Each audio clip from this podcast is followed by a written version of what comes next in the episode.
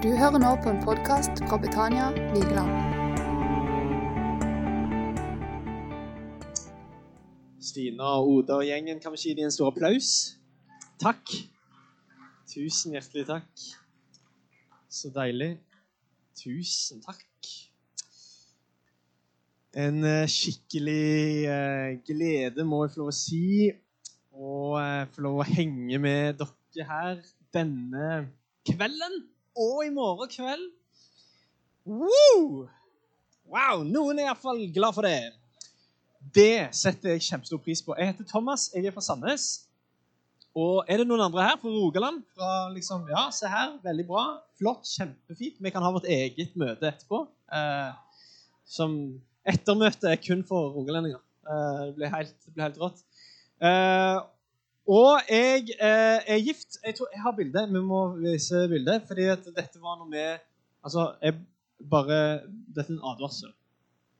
For vi ble sammen når vi var 14 år. Eh, og da så vi sånn ut. Så det er godt å se i sånn skiftende tider som vi lever i nå, at noen ting er konstant eh, og holder seg helt likt som det alltid har vært. Og vi eh, har eh, vært eh, gift en stund. Vi har eh, ingen eh, barn og ingen dyr og ingen penger. Så, men vi har hverandre. Det er iallfall noe. Og eh, bor nå i Oslo. Jeg driver på Jeg har liksom snart Altså Neste år så har jeg ti års jubileum på å ta bachelor. Så jeg på en måte må bli ferdig med det. Så jeg pleier egentlig ikke å si, si det sånn. Jeg pleier bare å si at jeg har studert teologi i ti år. Punktum. Um, og så gir det litt ekstra cred da, når jeg holder en mikrofon. Det var bare tull. Eh, jeg har skrevet en bok. tenkte Jeg måtte bare si litt om det før jeg sier litt mer om meg sjøl. Og, og sånn. Så har jeg skrevet en bok som heter 'Avokadoeffekten'. Eh, og denne boken handler altså om Jesus. Eh, veldig mye om Jesus. Andreas her, han har lest den. Eh, liker du han? Han sa ja. Eh, og den eh, handler egentlig om å leve med en brann i livet sitt. Da. Prøve å utforske liksom, hva vil det si å være entusiastisk må man liksom eh, elske mandager og ligne på Petter Stordalen? på en måte? Eller fins det eh, en dypere bånd i dette? Og eh, spoiler alert ja. Eh, der fins noe dypere enn liksom hvordan det ser ut på utsiden. Faktisk så betyr entusiasme fra gresk entusiasmos én betyr i. Theos betyr jo Gud. Teologi. Læren om Gud. Så entusiasme betyr egentlig bare å ha Gud i seg, eller å være i Gud. Så det er noe av det jeg utforsker i denne eh, boken. Eh, det som likevel gjør boken helt, helt unik, det er det som står her nede her. Uten forord av Øystein Gjerme. Han har ikke skrevet forord. Og dermed er det et friskt pust i din bokhylle. For det er ingen kristne bøker skrevet i moderne norsk tid uten forord av Øystein Gjerme. Han sniker seg med på absolutt alt! Så Derfor anbefaler jeg den. så eh, Hvis ikke du ble solgt av liksom budskapet her, så kjøp den i hvert fall av den grunn. Um, så, For det er nok, nok Øystein Gjerme uh, rundt forbi. Han er min venn, altså. Ja, og, og, jeg er hans venn, og alt det der.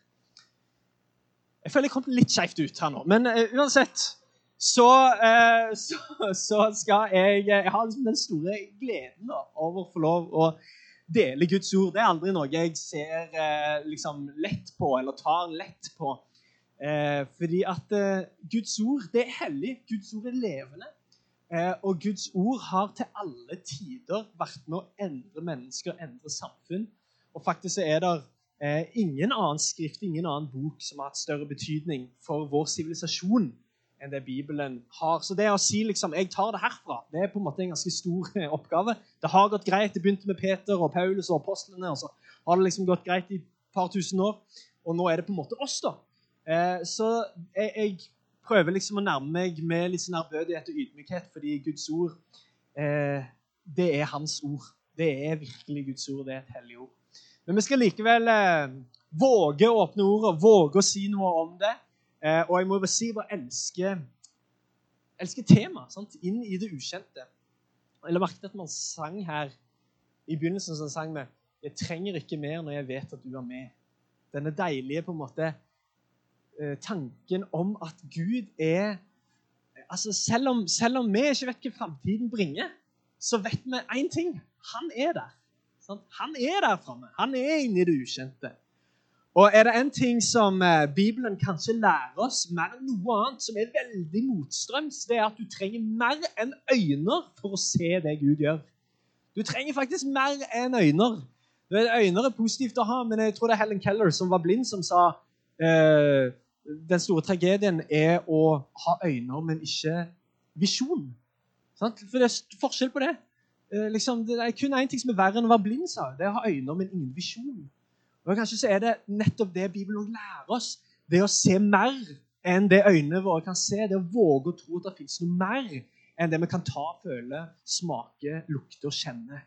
Ja, og, og, og, Jesus han beviser dette også for oss, at det fins en verden i det ukjente. Det fins en åndelig verden som åpner opp hva det vil si å være et menneske. Så Det er noe av det som liksom skal få lov å være bakteppet òg de neste minuttene når, eh, når jeg skal lese en tekst her etter hvert. Men jeg kommer fra en, fra en litt, litt, sånn annen vinkel her. Uh, fra Johannes kapittel 4. og hvis du har en bibel, så kan du bla opp i Johannes kapittel 4. Og så skal vi lese den teksten fra og med vers 46. Johannes 4, vers 46. Um, og det kommer også opp på skjermen. Eh, skal vi se, Hvis jeg gjør sånn, for eksempel, så, så kommer det opp her. Um, la meg lese, og så skal vi prøve å gjøre noen konklusjoner og noen, eh, noen eh, punkter ut av dette her. Men, men det, er, det, er, en historie som fortelles i Johannes evangelium, der det står at um, Jesus uh, kom nå igjen til Kana i Galilea, der han hadde gjort vann til vin. I Kapernaum bodde en kongelig embetsmann. Han hadde en sønn som var syk. Da han fikk høre at Jesus var kommet fra Judea til Galilea, gikk han til ham og ba ham komme ned og helbrede sønnen, for gutten var døden nær. Jesus sa til ham, uten at dere ser tegn og under, tror dere ikke. Kom, Herre, før gutten min dør, sa mannen. Gå hjem, sønnen din lever, sa Jesus til ham. Mannen trodde det ordet Jesus sa til ham, og gikk av sted. Da han ennå eh, var på hjemveien, kom tjenerne og møtte ham. Og de fortalte at gutten hans levde. Han spurte dem når det var blitt bedre med ham. De svarte i går. Ved den 20. time forsvant feberen. Faren skjønte at det var skjedd akkurat da Jesus sa til ham, 'Sønnen din lever'. Og han og hele hans hus kom til tro. Det er et vakkert mirakel, det vi får liksom være litt som flue på veggen på her. Eh, når denne altså høytstående embetsmannen, denne kongelige representanten, kommer til Jesus. Denne mannen var altså ifra Kapernaum, men Jesus var i Kana. Eh, det som du må vite her, det er at dette er 40 km fra hverandre. sant? Denne kongelige embetsmannen tenkte det er verdt et maraton eh, å komme fram til han der Jesus. For hvis ryktene stemmer, hvis det er sånn at Jesus Kristus er Messias, er Guds sønn, hvis det er sånn at han er den som han sier at han er, eller i hvert fall antyder at han er, ja, da er det verdt et maraton. Da er det verdt å gå disse 40 km, for min sønn er syk. Og min sønn har ikke lenge igjen. Min sønn eh, har ikke sjans på å prøve det meste. Dette var en ressurssterk fyr. Det er klart han har prøvd det meste. Det er klart han har vært hos leger, det er klart han har, han har gjort det som sto i hans makt, men nå har han kommet til et punkt der han tenker Hva er det egentlig som er utenfor min makt? Hvor kan jeg nå henvende meg, nå når jeg er på slutten av meg sjøl, på en måte? Nå når jeg har gjort alt som jeg kan gjøre, hva, hva kan jeg egentlig gjøre nå? Og han har selvfølgelig hørt om Jesus. Eh, og det er, jo, der er jo de lærde strides om hvem han egentlig er. Men han tenker jeg gir det en sjanse. Jeg, jeg, jeg, jeg, tar et steg kanskje inn i det ukjente. Kanskje så krevde dette tro. Eh, ganske tydelig så gjør det jo det. Det krevde tro for denne kongelige embetsmannen og oppsøke Jesus. Og jeg elsker jo frimodigheten her. sant? For Når han møter Jesus, så sier han, 'Kom, Bli med meg. Altså, det er en ting at Du gidder å gå et maraton til Jesus, men når du finner han, så sier du du, bli med bort her i gata her borte eh, og, og, og møt sønnen min, liksom, som er syk. Han er egentlig veldig frimodig her og sier er, er du villig til å gå et maraton eh, med meg for å møte min sønn. Men det, det, er superinteressant hva Jesus svarer her. Jeg vet ikke om du la merke til det. Men det er egentlig en veldig rar setning. Fordi eh, Han kom til han og ba han komme ned og helbrede sønnen for gutten var død. Jesus sa til ham uten at dere ser tegn og under, tror dere ikke. Prikk, prikk, prikk. Så du hører, du hører skuffelsen i ordene her. Åh, liksom. Her kommer det en, enda en person som vil ha et mirakel. Liksom. Enda en person som bare vil ha et tegn og et under. Jeg vet, ikke, jeg vet ikke om jeg overanalyserer denne teksten, men det er ikke som jeg kjenner igjen litt den der skuffelsen i Jesus sine ord. Du òg, ja, liksom. Å, den, hva er det med denne gjengen, liksom? Enda en person uten at dere ser tegn og under, liksom. Uten at dere liksom får, får, det med egne øyne. Skjønner du ikke at du trenger mer enn øyne? Er det akkurat som det ligger mellom linjene her? Er enda en person som vil det som jeg, Hvis du leser Johannes kapittel 4 rett før det, så står det at alle kom til Jesus for de hadde sett hva han holdt på med. De hadde sett miraklene. Og Derfor kom alle til Jesus. De hadde sett det med øynene, men Jesus visste du trenger mer enn øyne. Hvis du, hvis, du, hvis du, har tenkt å overleve som en kristen Og dette er et ord til oss. Hvis du har tenkt å overleve som kristen i et samfunn som vårt Og jeg er glad for å leve i et samfunn som vårt, som er rasjonelt, som er saklig, der vi snakker om liksom, Der vi tør å snakke om issues og liksom, problemene og tingenes tilstand. Det er bra. Men er det en ting man er ganske svake på i et rasjonelt samfunn som, som oss, så er det nettopp troen på at det fins en virkelighet som man ikke bare kan se med øynene. Det fins en virkelighet. Du trenger mer enn øyne hvis du har tenkt å leve som kristen i et samfunn som vårt. Og hvis, du har å, hvis vi skal ta på alvor dette overskriften 'inn i det ukjente' Det er aldri livet om du gidder å gå inn i det ukjente hvis ikke du har begynt å se noen ting med hjertet ditt. Open the eyes of my heart, Lord, har vi også sunget her i dag. Er det bare ord for oss, liksom? Eller tror vi på det? At hjertet òg har noen øyne? Og, og det, det, For en viktig bønn! Jeg sto her og sang. For en, for en deilig for en viktig bønn. Open the eyes, åpne øynene i hjertet mitt. Fordi sannheten er at vi trenger de øynene òg. Hvis man har tenkt å leve et liv som kristen i et samfunn som vårt. Vi trenger å se ikke bare med øynene, men med hjertet. Vi trenger å se det som han ser. Hvis vi skal gå inn i det ukjente, så må vi tro at det fins noe der inne. Og Jesus ah, Enda et tegn, enda et under. Uten at dere ser tegn og under, tror dere ikke. Det er faktisk flere ganger Jesus viser litt denne, denne type holdningen. Kommer, på et tidspunkt så kommer noen av, av, de religiøse, noen av jødene, de kommer rett, liksom rett, rett, eller de sier det rett ut. De sier til Jesus Jesus, vis oss et tegn, liksom. Gjør et eller annet. Moses han gjorde sånn og sånn. De liksom pekte på alle de fra Gamle testamentet. liksom. Se på denne store profeten og denne store mannen. liksom. Vis oss noe, du òg. Vis oss et tegn. Så sier Jesus nei. Du skal ikke få noe tegn. Denne slekten skal ikke få noe tegn, sier Jesus. Det eneste tegnet de skal få, det er Jonategnet. Okay, han snakker, nå, snakker om Jonah i, i Gammeltestamentet som ble, spytt, altså som ble slukt av en fisk. Spyttet ut etter tre dager. Og egentlig også kanskje et bilde på at han sjøl skulle bli slukt av døden og gjenoppstå. Det er det eneste tegnet dere skal få.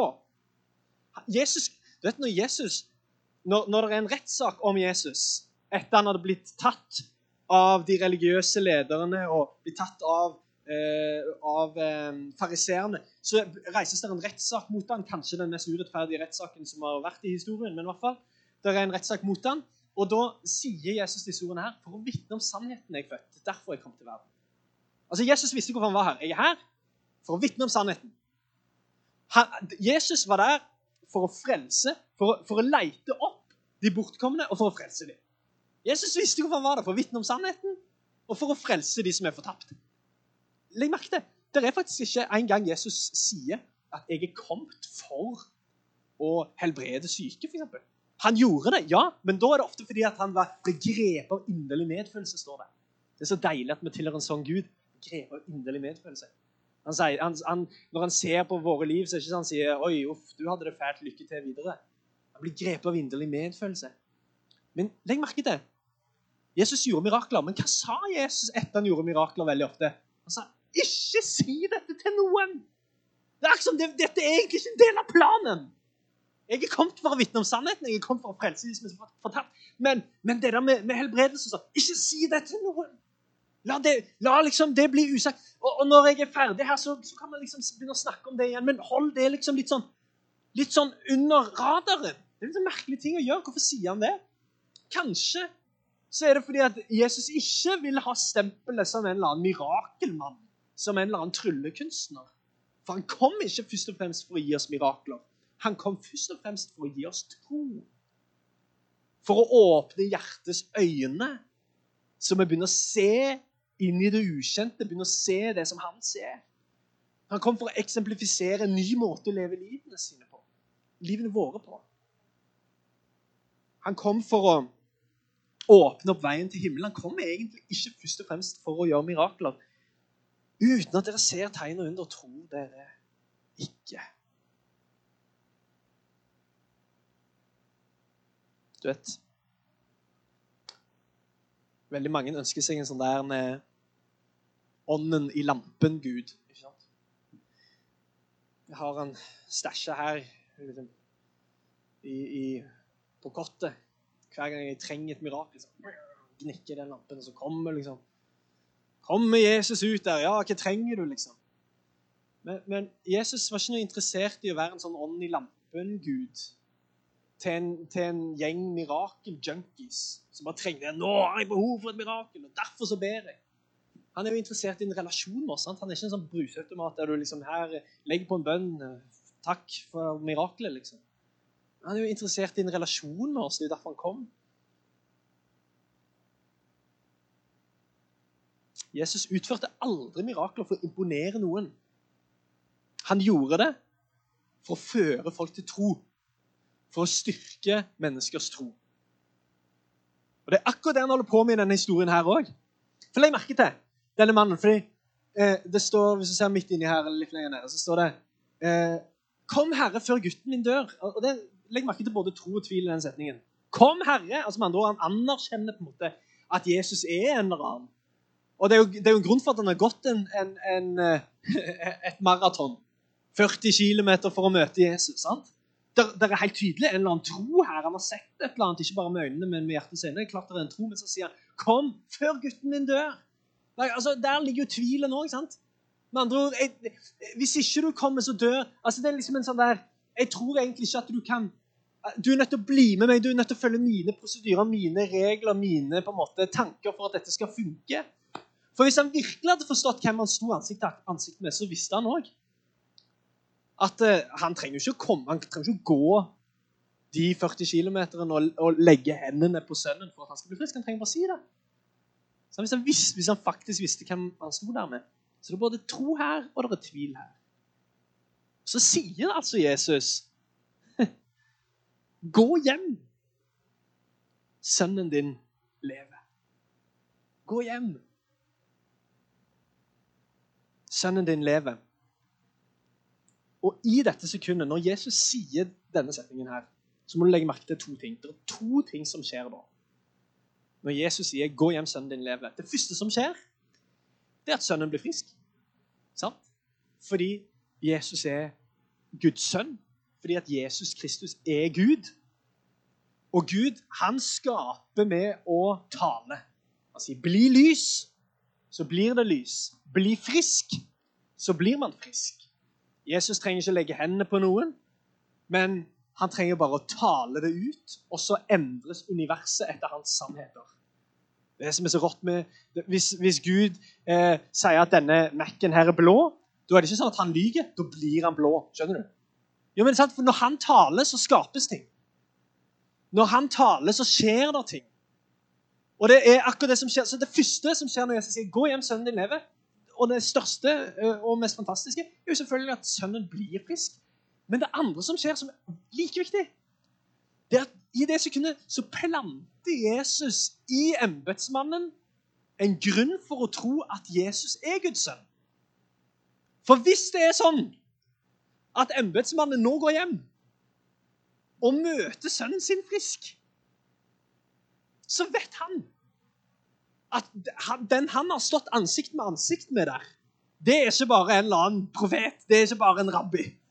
Det er ikke bare en lærer, det er ikke bare en smart fyr. For hvis jeg kan stå ansikt til ansikt med han, og han kan si tre ord, og, og sønnen min blir frisk, da har jeg stått ansikt til ansikt med, med Guds sønn. Så han planter igjen en grunn for å tro at han faktisk er Guds sønn. Og legg merke til det som skjer etterpå. Da han ender opp på hjemveien, kom tjenerne og møtte ham, og de fortalte at gutten hans levde. Og legg merke til De sier 'Wow, gutten din er frisk. Sønnen din er frisk.' Og da er det ikke sånn at han sier 'Woho, for en glede! Gud er god!' og liksom 'Fantastisk, liksom. Jeg må hjem og besøke ham.' Han har bare, han har bare ett spørsmål. For det er én ting han har tenkt på når han har gått dette halvmaratonet fordi han møtte ham på halvveien. Det er kun én ting han har tenkt på. Er sønnen min frisk? Når skjedde det i så fall? For hvis det skjedde når Jesus sa 'Gå hjem, sønnen din lever', så har jeg stått ansikt til ansikt med med himmelen som jorden skaper. Jeg har stått der med Guds sønn. Så han har bare ett ord. Ett spørsmål. Han spurte dem når det var blitt bedre med ham. Er ikke det en rar ting å spørre om? Når? Ja, OK, kult at han er frisk, men når? Når var det? Helt nøyaktig. Klokkeslett. For han vet når han snakket med Jesus. Jo, det var i den sjuende time som forsvant feberen. Faren skjønte at det skjedde akkurat det Jesus sa til ham. Sønnen din lever. Og han og hele hans hus kom til tro. Tro er målet. Jesus helbreder ingen for mirakels skyld eller for imponeringens skyld. Nei, nei, for troens skyld. Det var det som gjorde at han kom til tro, og hele huset hans kom til tro. Og Det var heller ikke når mirakelet skjedde, men det var når han skjønte at det var Jesus som var bak mirakelet, at han kom til tro. Og Det som er poenget mitt i dag, og som jeg håper at du henger med på, er at meg og deg trenger ikke mer tegn. Vi trenger ikke flere mirakler. Vi trenger ikke mer ting man kan se. Det vi trenger, er mer tro. For du skjønner, Et tegn kan ikke frelse noen. Men en tro kan frelse hvem som helst. Tenk på dette. Et mirakel kan utfri deg fra din umiddelbare situasjon. Absolutt. Og jeg tror på en Gud som gjør mirakler òg i dag. Så ikke misforstå meg her. Men et mirakel kan bare utfri deg fra din umiddelbare situasjon. Men din tro kan utfri deg for all evighet. Det er enormt. altså Størrelsesforholdene her er helt, det er ekstremt skeivt. Skjønner du? Mirakelet er midlertidig. Troen er for alltid. Hebreerne 11,1. Troen er et pant på det vi håper, står det. Et bevis for det vi ikke ser. Hva er tro? Troen er et pant. Det et sånn gøy bilde fra Paulus her. Det er et pant. Pant på det vi håper på. Hva er pant, da? Pant er det du har istedenfor det du egentlig har. Sant?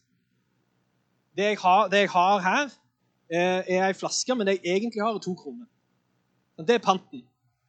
Det er noe du har istedenfor det du egentlig har. Jeg har denne flasken, men det jeg egentlig har, er to kroner. Sant? Jeg betalte jo to kroner ekstra i butikken. Eh, så, det jeg egentlig har med denne flasken, er to kroner, men det jeg har, det er, det er flasker. Hva er tro? Det er pant på det du håper på. Altså, Det er det du har istedenfor det du egentlig har. Hva er det du egentlig har? Himmelen. Det er det du egentlig har, men hva har du nå? Tro. Skjønner du? Troen er det du skal pante inn på livets siste dag for å få evigheten. Skjønner du? Det er det du, skal, her, det er det du, det er det du har. Og så En dag så skal du få, stå foran Gud, så skal du gi ham din tro, og så skal han gi deg det du egentlig har. En evighet sammen med han. Himmelen. Det jeg blir alltid så frustrert når folk kaster fra seg panten. Det er jo helt idiot. For det, det, er jo, det, er jo, ikke det du har, du kaster vekk. Du kaster vekk det du egentlig har. Og det er jo enda verre når folk gjør det med, med, med, med troen sin. Ja, pff, ikke så viktig, liksom. Ja, nei, jeg endte opp med å ikke tro. Hva du sier liksom? En ting er at du kaster vekk troen, men det du, det du kaster vekk, er ikke troen. Det, du kaster vekk det du egentlig har. Det er jo en evighet du kaster vekk. Troen er et pant på det du håper på, og det er så deilig, så deilig ord. For det er, det, det, er det, det, er jo det vi holder på med. Vi håper jo på en evighet. Og troen er det du har. Istedenfor det du egentlig har. Og det du egentlig har, det er håpet om herlighet. Håpet om frelse. Håpet om evig kjærlighet og relasjon med Gud.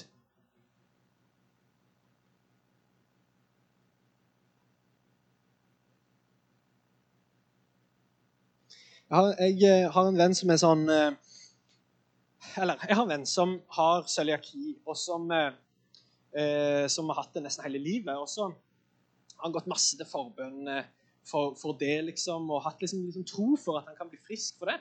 Og så var han i Australia, han gikk på bibelskole der, og, og ble liksom skikkelig sånn pumpa opp til liksom Du, la oss, la oss, ha tro på det for dette året her, at du blir frisk.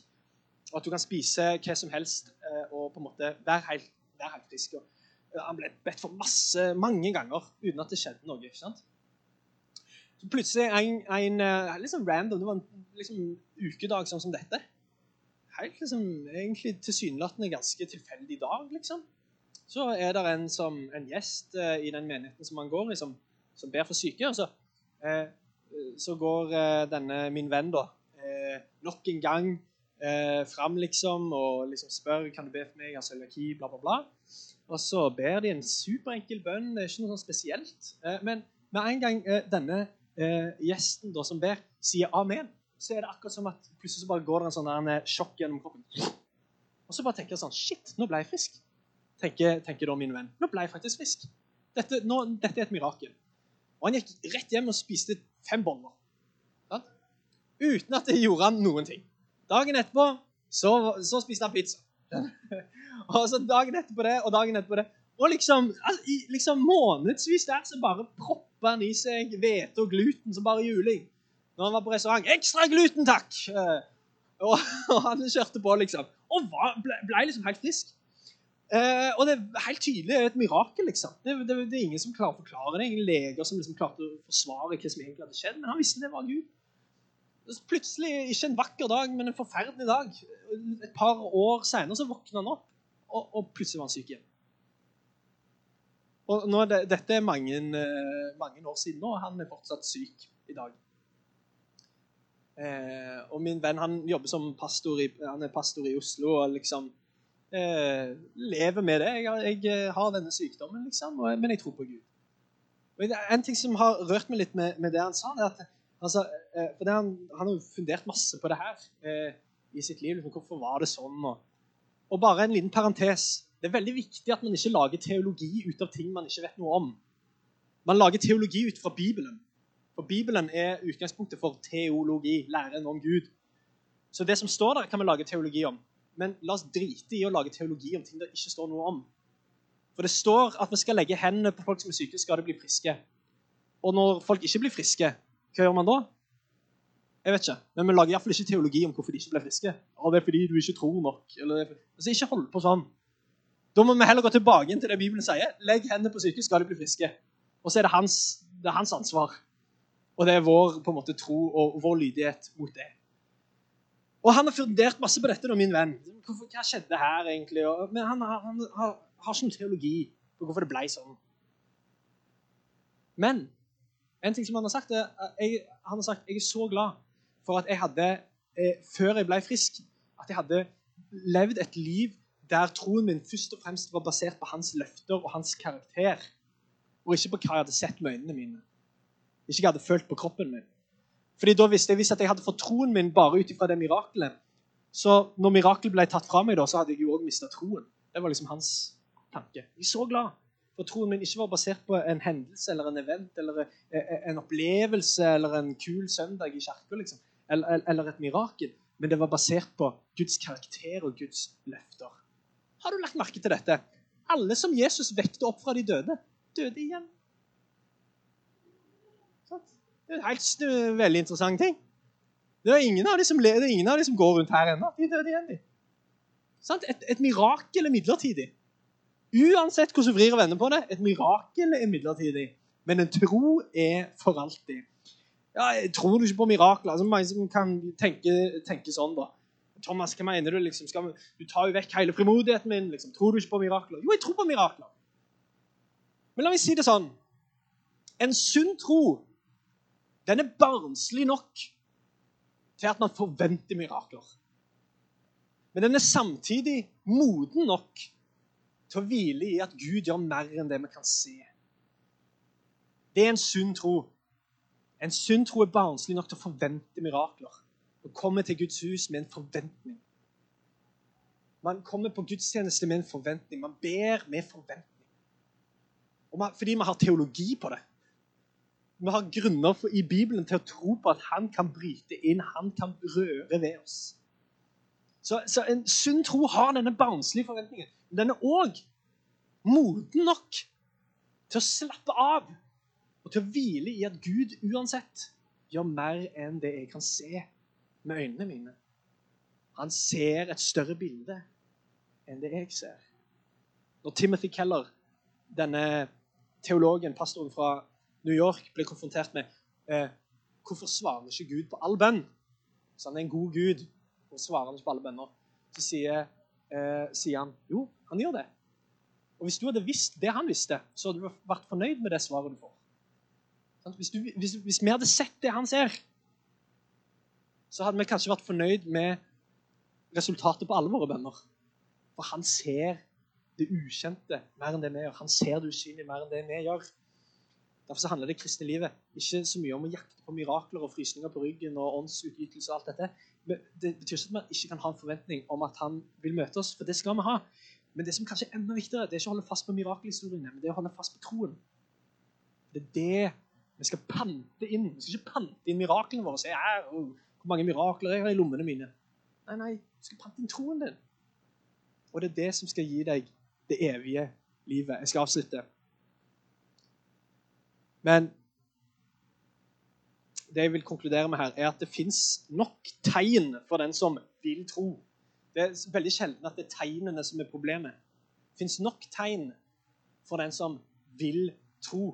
Og det fins Eh, for den som ikke vil tro, så fins det òg veldig få tegn. For eksempel, jeg er en sånn person som vil tro. Så jeg kan se meg selv i speilet, se litt på tunga mi Og så tenker jeg sånn Fy søren, det må finnes en gud. Det er jo helt sykt! Det er jo helt sykt, liksom! At jeg kan styre han sånn som det og gjøre hva jeg vil. Det er nok tegn for meg. Jeg trenger ikke mer. Jeg trenger ikke filosofer, trenger ikke apologeter. Dette går helt fint, liksom. Det er nok. Det fins nok tegn for den som vil tro. Det finnes nok lys for den som vil se. Sant? Det er, det, det er ikke det det, står på. Så er det noen som sier sånn Jeg vil så gjerne tro. Og jeg har medfølelse med sånne mennesker som sier det. Åh, vil så gjerne tro.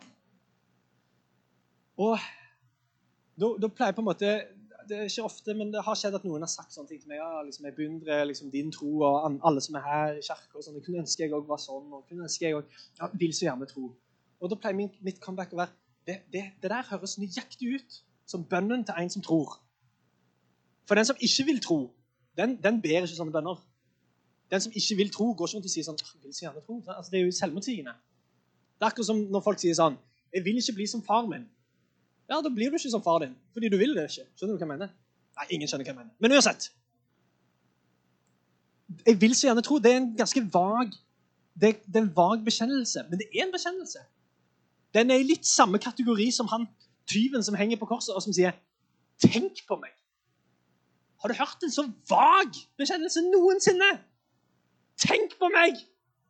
Når du kommer inn i ditt rike, og Jesus sier fra i dag skal du være med til paradis. Legg merke til, Jesus sier ikke til ham eh, Kan du utdype? Liksom, Fortell litt mer. Angrer du på det du har gjort i livet ditt? liksom? Har du tenkt å gå et år på bibelskole, eller hvordan ligger du an? Nei, nei. Tenk på meg, er det han sier. Det er nok. Fordi han, han ser troen. Han ser inn i det usynlige. Han ser jo hva som ligger her. Og i denne vage bekjennelsen 'Tenk på meg', så ligger det òg en anerkjennelse av at jeg tror at du har et rike. Tenk meg når du kommer inn i ditt rike. Og der ligger bekjennelsen 'Jeg tror at du er den du sier at du er'. Jeg tror at du skal til paradis. Og jeg tror at du er herre over det paradiset. Tenk på meg. Og Jesus svarer fra i dag skal du være med meg til paradis. Jeg eh, skal avslutte med Kanskje bandet bare vil gjøre seg klar. Uh, bare begynne å spille litt. Men jeg har lyst til å bare be eh, helt konkret jeg, for to grupper med mennesker. Og jeg skal ikke gjøre noe ubehagelig for noen. Jeg skal ikke peke noen ut eller trekke noen fram. ingenting sånn. Men jeg har lyst til å eh, jeg har lyst til å gi deg en, en, en mulighet. Um,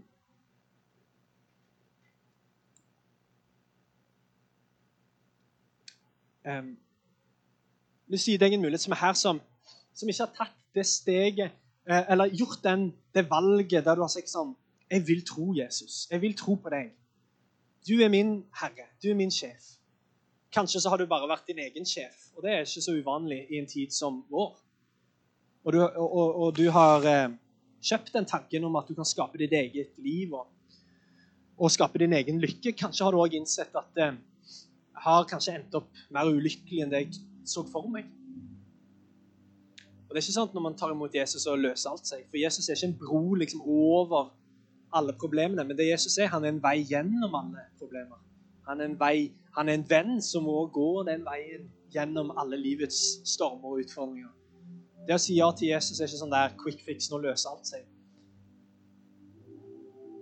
Men når du, når, du, når du, sier ja til Jesus, så får du tro. Troen er en gave. Tenk på det. Troen er en gave. Vi kan be om tro. Når du sier ja til Jesus, så gir han deg troens gave. Og det er òg den gaven du skal pante inn på livets siste dag. For å motta det du egentlig har. Så hvis det er deg, så eh, Så bare lukke øynene. Kan vi gjøre det alle sammen? Bare for å lage det til et liksom, personlig øyeblikk. Men hvis det er deg du, Jeg skal ikke blande meg inn, og, eller noe sånt, men, men hvis, du, hvis, du, er her, og, og, du bare tenker Vet du hva? Det er meg, faktisk. Jeg har ikke tatt det valget. Jeg har ikke gjort en sånn bevisst bestemmelse. Å åpne hjertet mitt for Jesus og si du kan bo i mitt hjerte. Du kan flytte inn. Så kanskje så surrer denne bønnen i bakhodet. Åpne mine hjertes øyne. Open the eyes of my heart. Trenger ikke mer når jeg vet at du er med.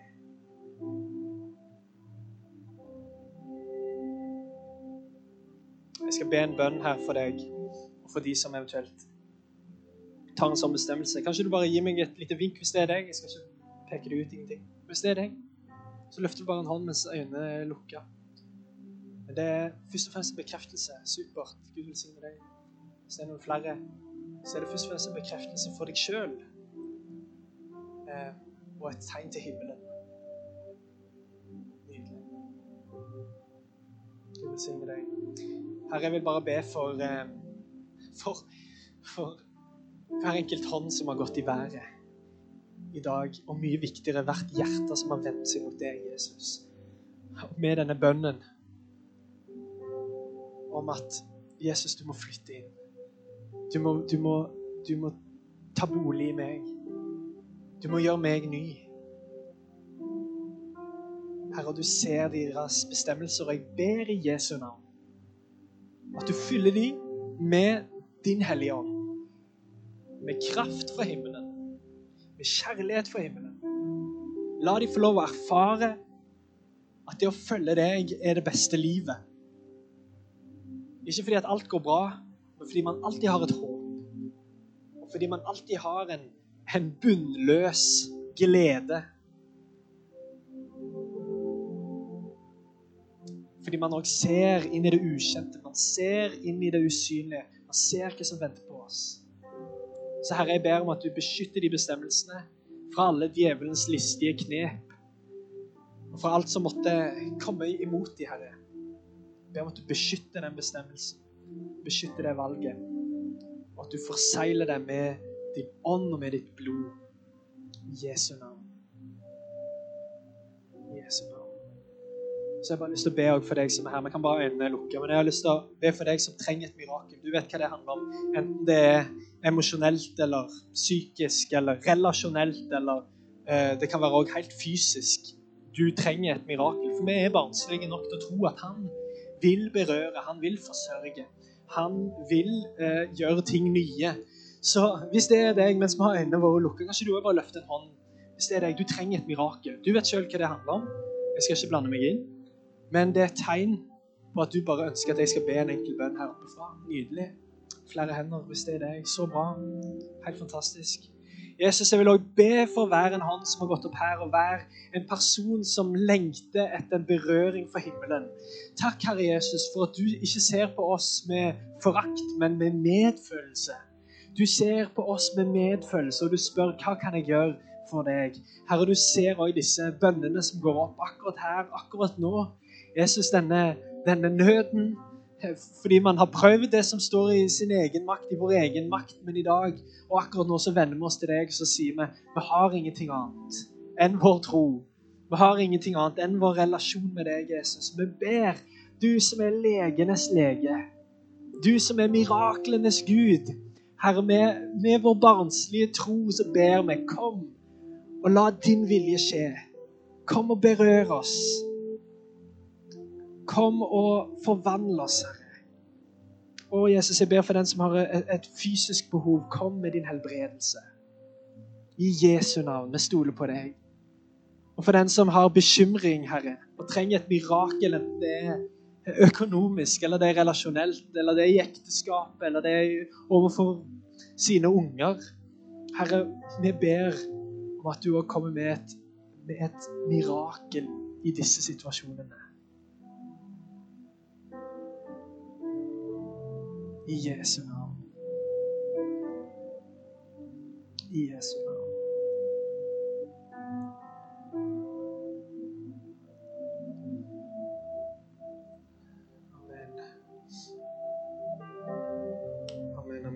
Vi skal, vi skal lovsynge Jesus sammen. Og mens vi gjør det, så eh, benytt det gjerne til, til å ikke bare liksom, høre til på musikken, selv om det kan være fint. så Kanskje så er det noe du trenger å formulere, som du ikke har formulert før. Som, som er til Jesus. Sette ord på noe av kanskje den nøden som fins i ditt liv, eller desperasjonen som fins i ditt liv.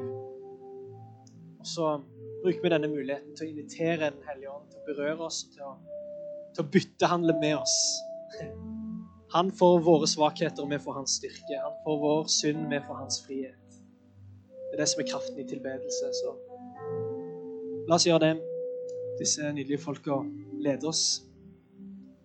Så synger vi sammen.